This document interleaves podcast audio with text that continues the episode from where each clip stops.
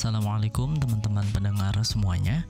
Gue Dayan dari T Podcast atau Teman Podcast. Dan sekarang gue akan membahas tentang tips lengkap cara menghadapi sidang skripsi. Ya ini adalah podcast pertama gue atau teman pulang.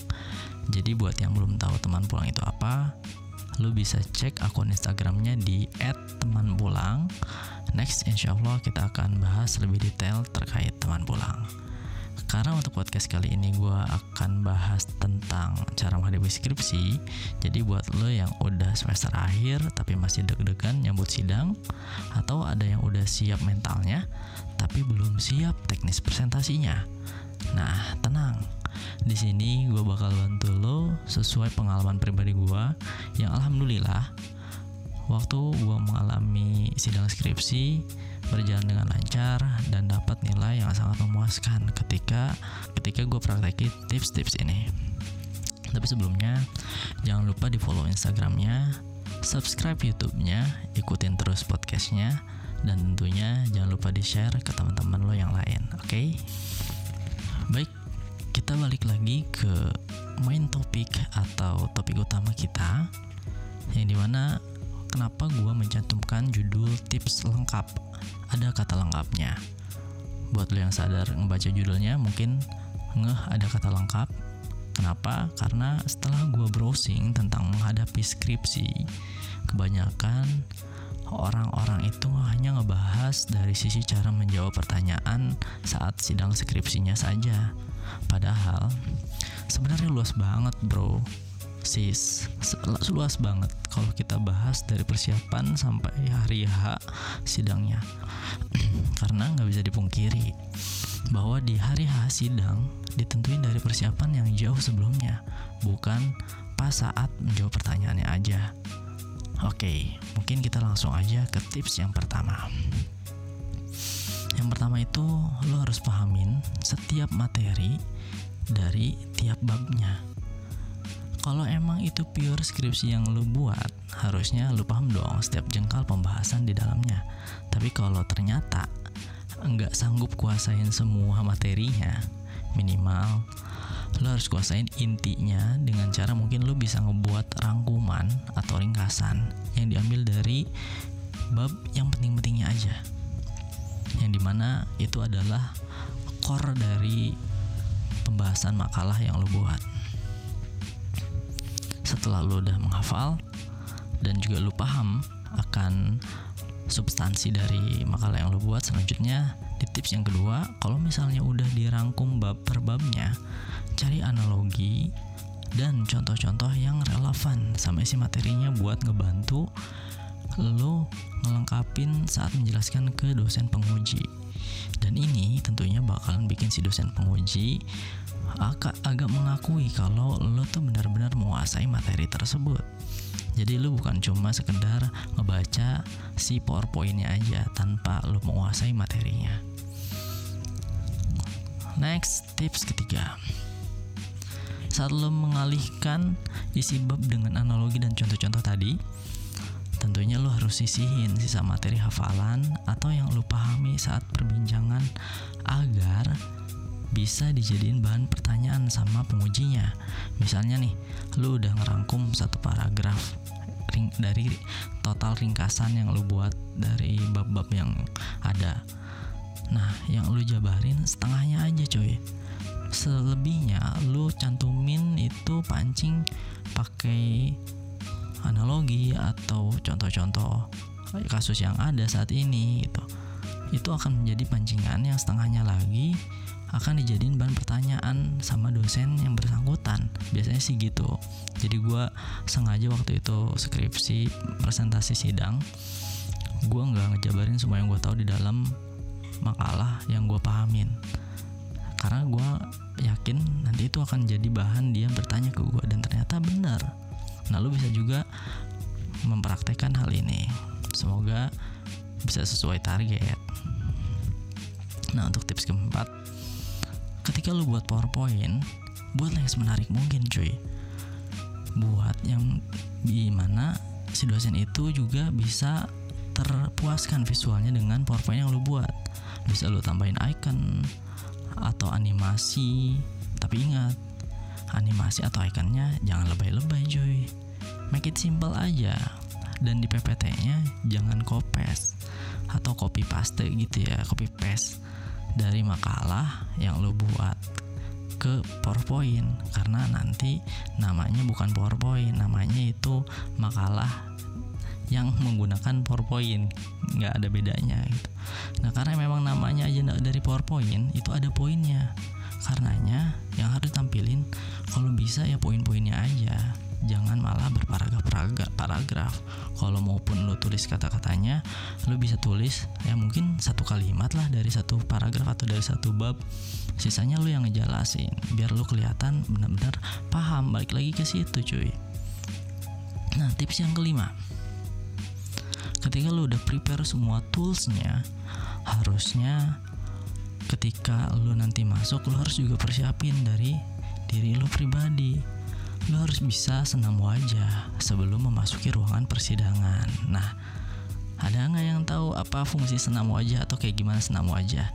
Jadi senam wajah itu lo bisa melenturkan wajah lo, terutama yang di bagian dekat uh, area senyum lo, agar wajah kita nggak kaku saat presentasi. Karena syarat utama saat memasuki ruangan persidangan atau ruangan sidang skripsi itu lo harus kasih senyuman yang tulus sama dosen penguji. Walaupun nih gue kasih bocoran aja biasanya mereka ada yang masang muka sangar ada yang juga masang muka killer gitu tapi jangan takut selalu tanamkan mindset kalau mereka itu sebenarnya baik-baik cuy cuma karena memang tuntutan tugas aja jadi harus diserem-seremin lah paham lah ya. So pertahanin senyuman lu sampai sesi tanya jawab hingga selesai ya guys.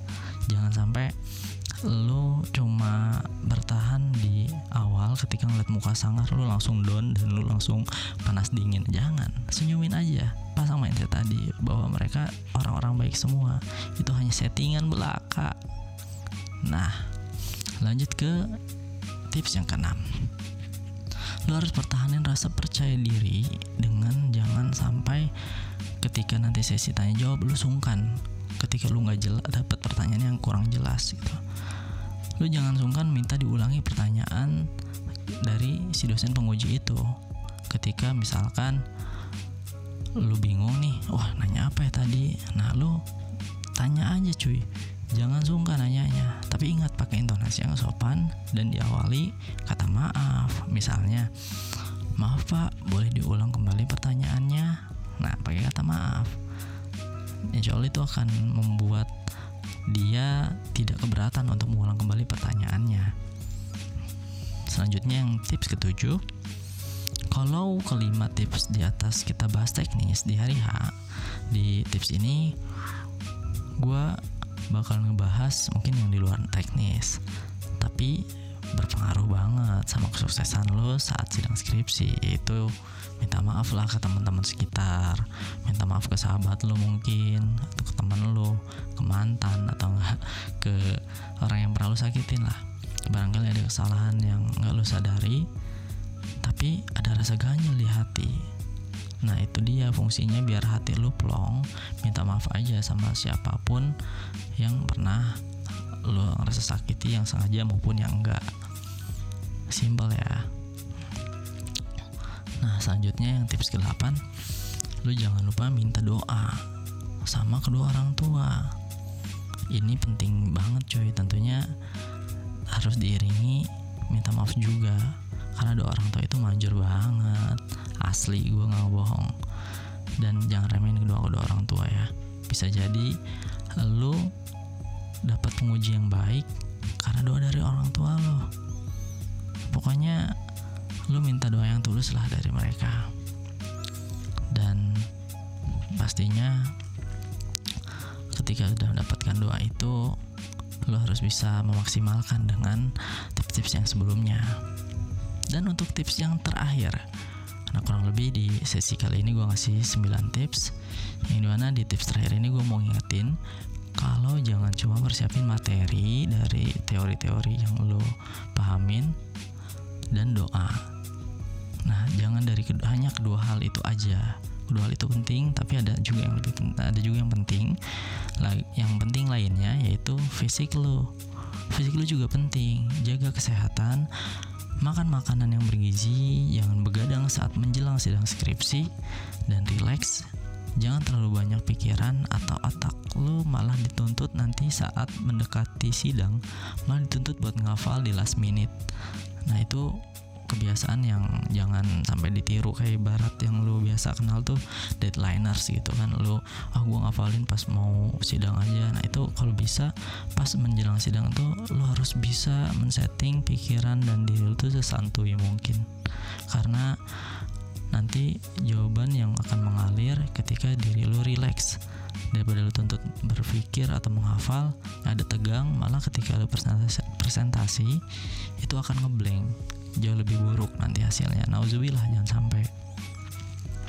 Well itu semua tips yang bisa gue kasih yang semoga bisa ngebantu. Dan dari tips itu semua lo harus juga tanemin mindset bahwa semua akan berjalan lancar. Dosen pengujinya bersahabat dan juga harus tanemin keyakinan yang sangat kuat akan semua hal itu berjalan dengan lancar. Karena Allah sesuai prasangka hambanya. Setelah set mindset dan belief, lo harus bisa mengafirmasikan saat berjalannya sidang. Lo harus bisa seperti mengimajinasikan di pikiran lo ada dua kemungkinan. Yang pertama, kemungkinan dapat dosen yang jutek atau killer dan yang kedua dapat dosen yang bersahabat. Sehingga saat lu dihadapkan nantinya dengan dua kondisi yang lu nggak bisa tebak itu lu udah well prepare banget. Karena semua udah dibayangin lu sebelumnya dan lu udah mempersiapkan diri lu bagaimana cara menghadapinya. So dari gua doa terbaik buat lu semua yang mau sidang yang semester akhir bahkan yang mungkin belum di semester akhir ya di semester semester awal tapi sedang mempersiapkannya dari sedini mungkin itu jauh lebih baik. Semoga lu semua yang nanti sidang mendapatkan hasil yang terbaik. Terbaik dari Allah dan juga semoga itu terbaik buat lo. Oke, jangan lupa ikutin terus teman podcast ke depannya mungkin gue bakal ada Q&A dari Instagram dan pembahasan-pembahasan menarik lainnya. Lo boleh nge-DM Instagram gue atau tulis di kolom komen. Pokoknya sampai jumpa di podcast selanjutnya. Gue Dayan undur diri. Wassalamualaikum warahmatullahi wabarakatuh. Thank you buat yang udah ngedengerin sampai selesai